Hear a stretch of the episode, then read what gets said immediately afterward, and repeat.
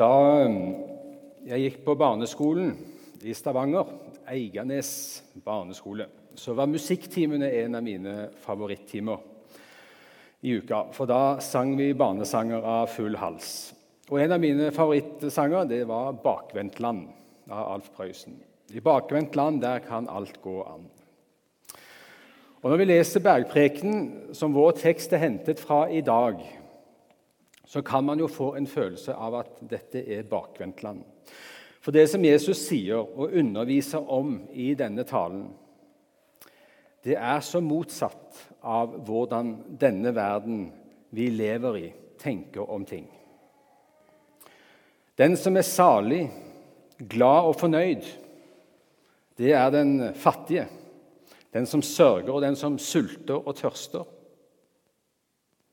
Og Videre så skisserer Jesus en moralsk standard som er så radikal at når en ikke-troende leser den, så bare rister man på hodet og så sier man at dette er jo ikke mulig. Det er bakvendtland. Den teksten vi skal lese i dag, er starten på denne enorme talen av Jesus, såkalte bergprekenen. Vi skal lese innledningen de, av de ordene som gjerne blir omtalt som saligprisningen.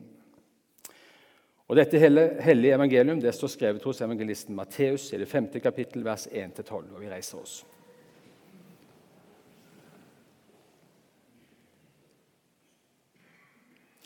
Da Jesus så folkemengden, gikk han opp i fjellet.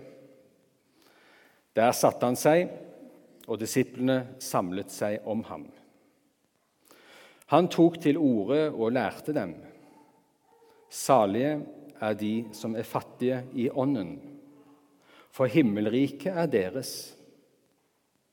Salig er de som sørger, for de skal trøstes. Salig er de ydmyke, for de skal arve jorden. Salige er de som hungrer og tørster etter rettferdigheten, for de skal mettes. Salige er de barmhjertige, for de skal få barmhjertighet. Salig er de rene av hjerte, for de skal se Gud.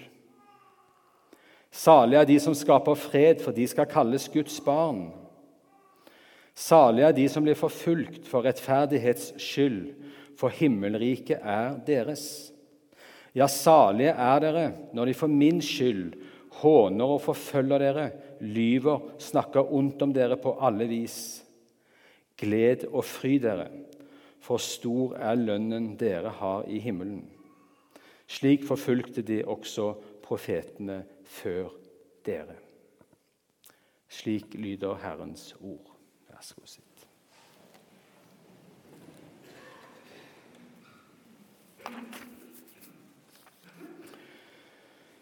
Da Jesus så folkemengden, begynte vår tekst med og Hvis vi leser i det kapittelet som er like foran saleprisningen, som vi nettopp hørte, så kan vi lese der at ryktet om Jesus det har spredt seg.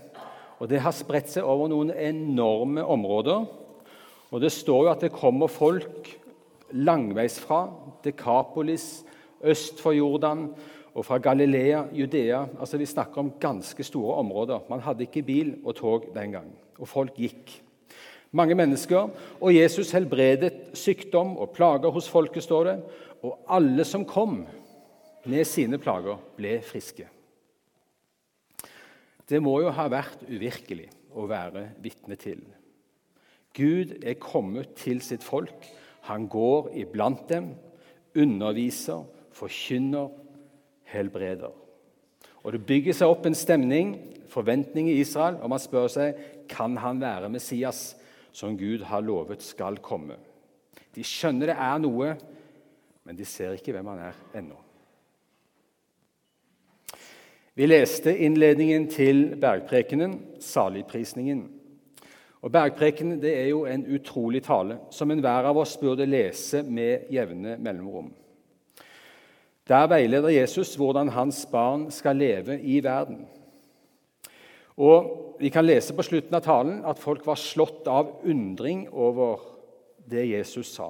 For Jesus taler med en myndighet som de ikke har vært vitne til før. Og så forkynner han også som jeg nevnte, en moralsk og etisk standard som han ikke finner maken til noe annet sted. Men la meg understreke det er ikke veiledning for hvordan man skal bli frelst og rettferdig for Gud, men det er undervisning om hvordan Guds barn skal leve her i denne verden. Da Jesus så folkemengden, så gikk han opp i fjellet. Og Der satte han seg. Disiplene samlet seg rundt han, og han lærte dem, står det.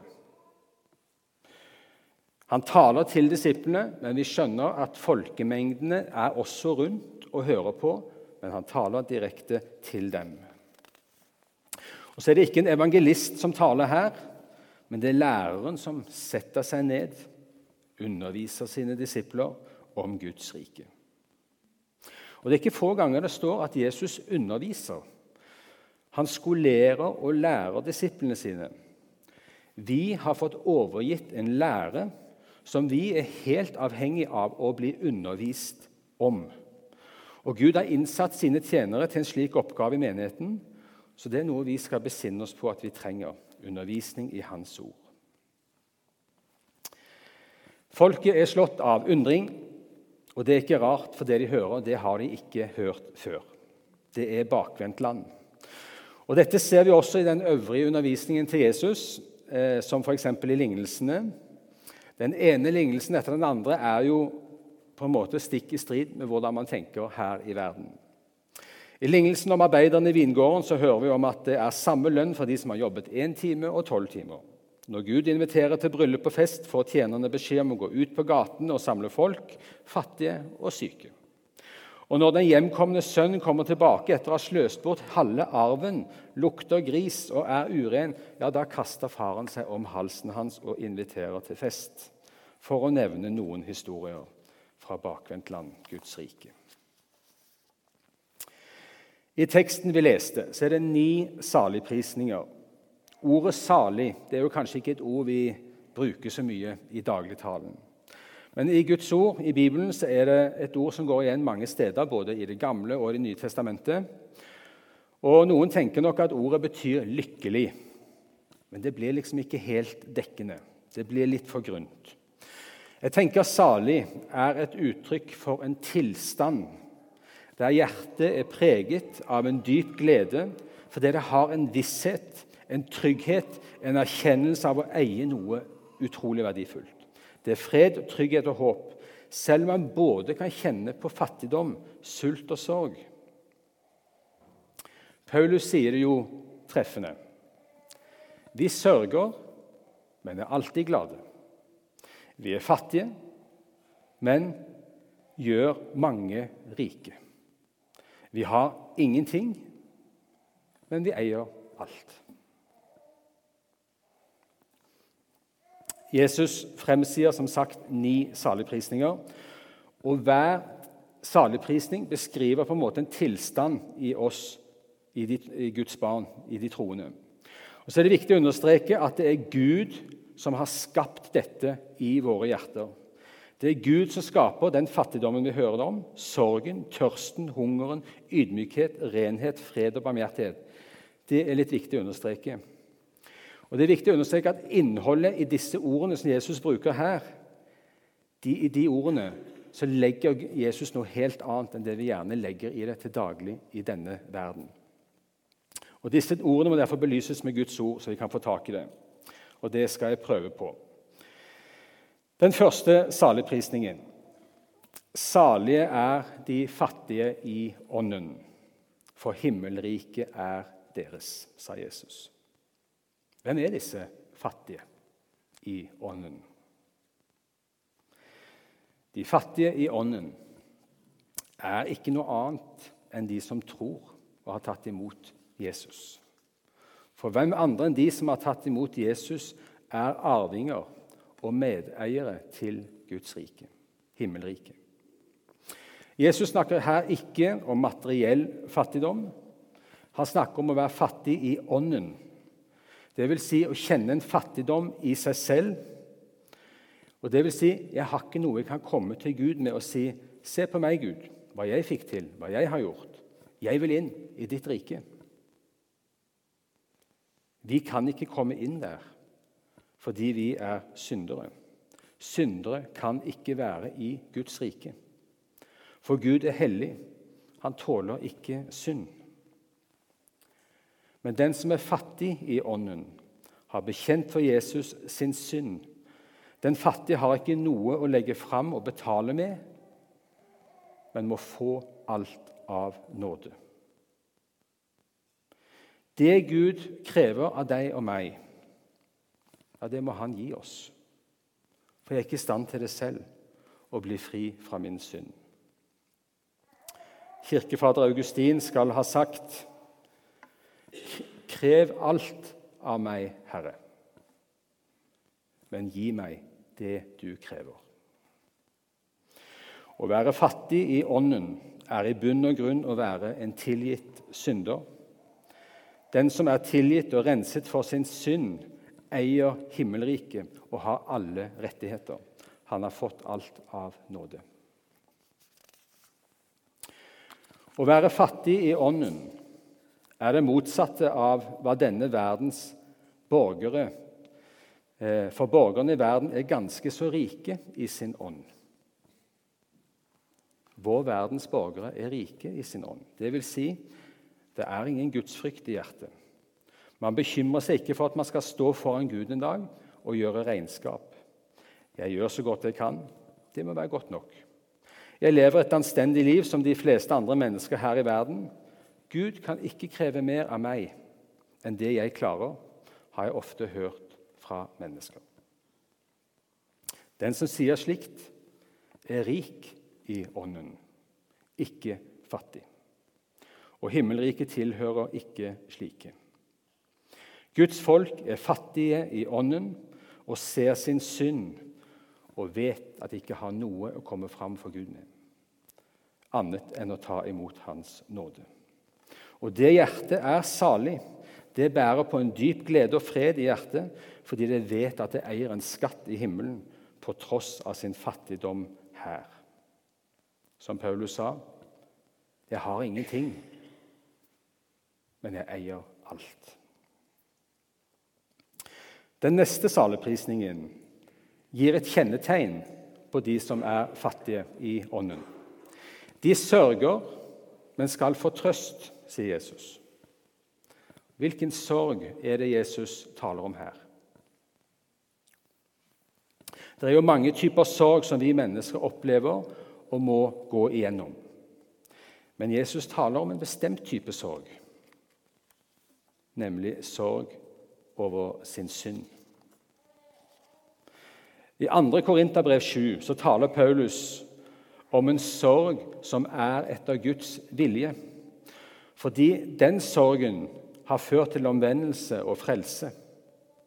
Paulus har måttet skrive et ganske kraftig brev til menigheten for å få dem til å omvende seg fra sin synd. Og Dette brevet har ført til sorg for veldig mange der. Men så leder det også til omvendelse, sier Paulus. Motsatt sier Paulus at sorg som er av denne verden, fører til død. I all verden, hva mener han? Med det vil han si at det er mange typer sorg. Det er mye fortvilelse, sorg over tap, og Gud har omsorg for oss alle også da. Men den sorgen fører ikke til noe. Den tar deg ingen steder.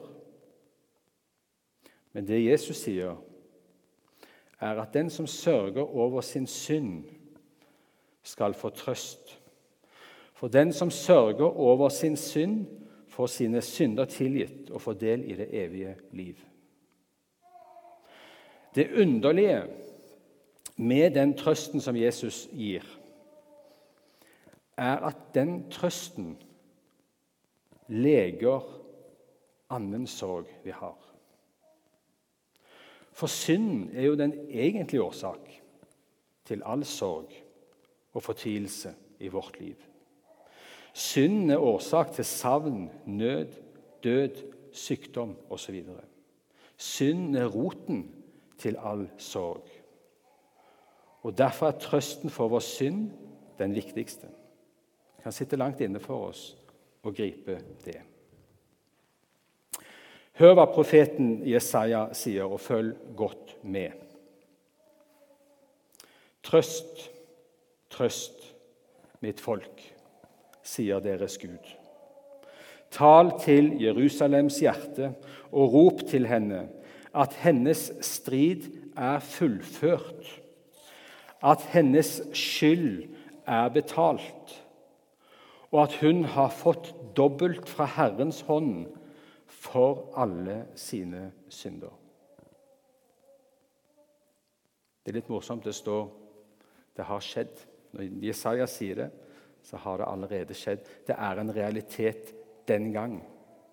De levde i samme tro som oss. Det var en realitet, selv om det ikke var oppfylt helt ennå. Men hør hva Jesaja sier. Herrens strid er fullført. Hva var det siste Jesus sa på korset? Det er fullbrakt. Det neste han sa, skylden er betalt. Jesus tok skylden vår opp på korset, vår synd, og gjorde opp alt og betalte. Fått dobbelt for alle sine synder, sa profeten. Ja, Det sier noe om omfanget av vår synd, for Gud har velsignet oss med evig liv og har gjort oss til arvinger av himmelen.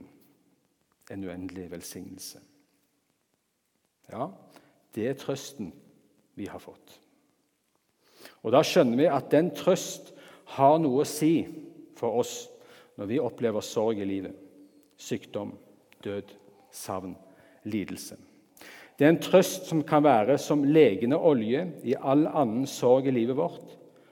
For den trøsten vi har fått, sier du skal en dag bli fri. Det du står i, varer en kort stund. Det er mye sorg, mye prøvelser gjennom livet, men det er en forløsning i vente. Salig er de ydmyke, for de skal arve jorden. For oss mennesker å ydmyke oss for Gud, det kan være ganske vanskelig. Vi er ganske stivnakka, står det i Bibelen. Og, Bibelen leser, og I Bibelen så leser vi om flere steder at Gud må være ganske røff og tøff med oss for å få oss til å ydmyke oss. I Hannas lovsang i 1. Samuel så sier hun Herren gjør fattig, og han gjør rik. Han fornedrer, og han opphøyer. Det er sånn som Gud arbeider med oss. Men hvorfor må han ydmyke oss? Jo, bare ved at han får bøyet oss ned, så kan han også opphøye oss. Apostelen Peter sier i sitt brev.: Ydmyk dere under Guds mektige hånd, så han kan opphøye dere når tiden kommer. Den ydmyke stoler på Herren, at det som skjer og rammer han, både av nød, motgang, smerte, sorg, det tar Herren seg av. Han har det i sin hånd. Også når vi møter motgang og blir utsatt for urett, så vil Herren i sin tid gjøre opp og gi rettferdighet. De ydmyke skal arve jorden. Det er et uttrykk for at vi stoler på Herren, overlater alt til Han. Også det som oppleves urettferdig. Han vil opphøye oss når tiden kommer, sa Peter. Salig er de som hungrer og tørster etter rettferdigheten, for de skal mettes.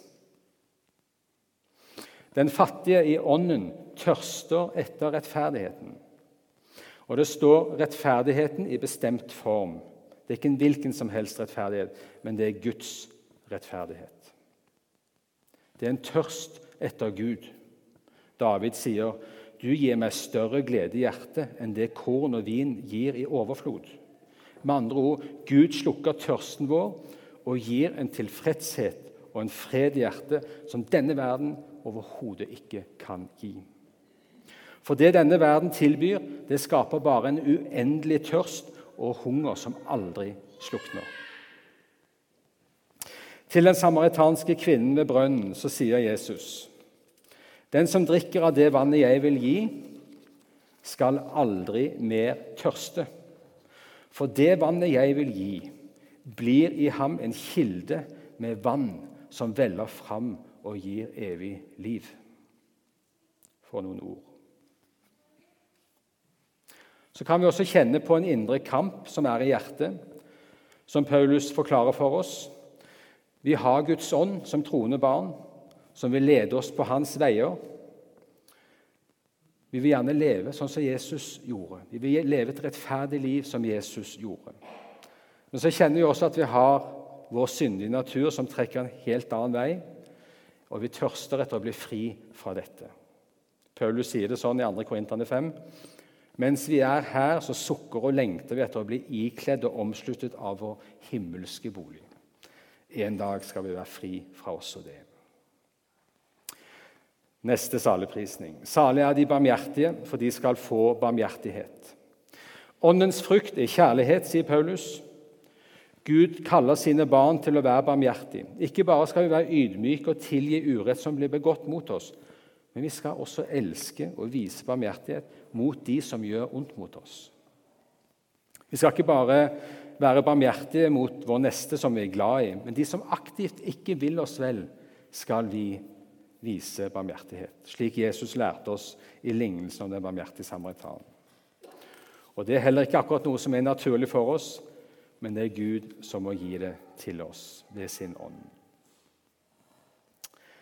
Neste saligprisning. Salig er de rene av hjerte, for de skal se Gud. De skal se Gud. Moses spurte om å få se Gud. Men Gud sa du kan bare se meg bakfra når jeg går forbi. Og som Gud sa, du kan ikke se ansiktet mitt, for et menneske kan ikke se meg og leve. Men her står, sier Jesus de rene skal se Gud. Vi tåler ikke å se Gud i Hans herlighet. Vi hadde blitt fortært, vi hadde dødd på stedet. Men nå har Gud kommet som menneske, han har blitt som oss. Og Jesus sier at 'den som har sett meg, har sett Faderen'. Men Jesus er her i en tjeners skikkelse. Og når vi ser Jesus her, er det som å se Gud bakfra. Men en dag når vi er kommet fram vi hørte noe om det i stad når de står og synger for Guds trone. Så står det også i Åpenbaringen 22. Guds og lammets trone skal være i byen, og hans tjenere tjener ham. De skal se hans ansikt. De skal se Gud. Vi tåler ikke i dag. Den dagen skal vi se ham som han er. Salig er de som skaper fred, for de skal kalles Guds barn. Min fred gir jeg dere, ikke den fred som verden gir, sier Jesus. Jesus har skapt fred mellom oss og Gud. Det er lite som minner om fred i våre dager nå, men vi vet at det er en fred, den aller viktigste fred, nemlig med Gud. Vi er forsonet. Det er ikke noe som er mellom oss og Gud lenger. Veien er åpnet for ethvert menneske til å komme fram for Gud og hans trone. Gud har gjort alt som var i hans makt for å skape fred. Og vi skal bringe denne fred til mennesker. Og Så skal vi også gjøre alt for å leve i fred med mennesker. Strekke oss langt, bære over med hverandre, sier Paulus. De to siste saligprisningene de handler om prisen det er å følge Jesus i denne verden. Å bli forfulgt og spottet for Jesus skyld. Det har en pris. Å følge Jesus, det koster. Men Jesus sier at en tjener ikke større enn sin herre.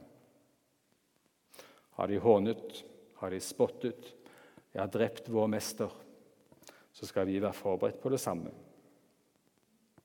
Og Vi skal ikke undre oss over at det skjer.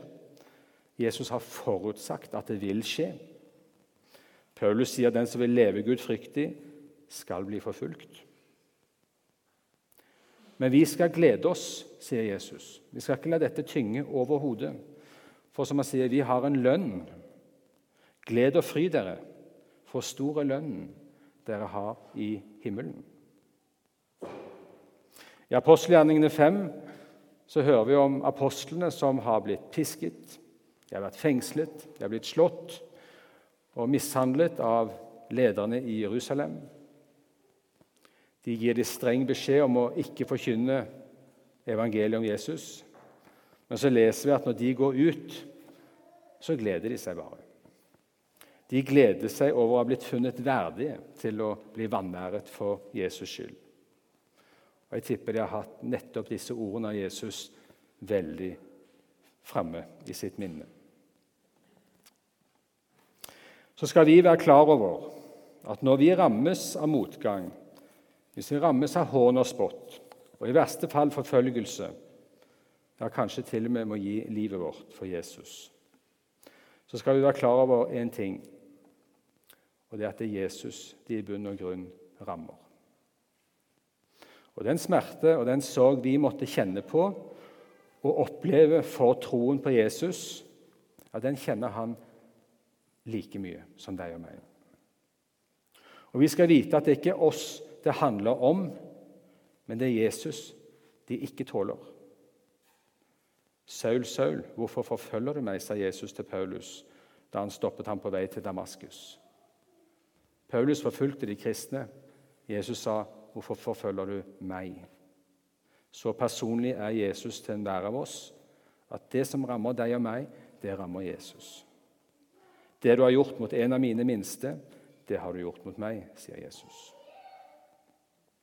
Paulus sier, 'Jeg bærer Jesu merker på kroppen min.' De sår han har fått etter livet med Jesus, piskeslag, stokkeslag Jeg tipper hans kropp så ganske herja ut. Han kaller det for Jesu merker. For hvert slag han tok imot, det tok også Jesus imot. Ja, det var de ni saligprisningene. Det er en dybde og visdom i disse ordene av Jesus. Han tar oss med inn i det som er utgangspunktet i vårt liv.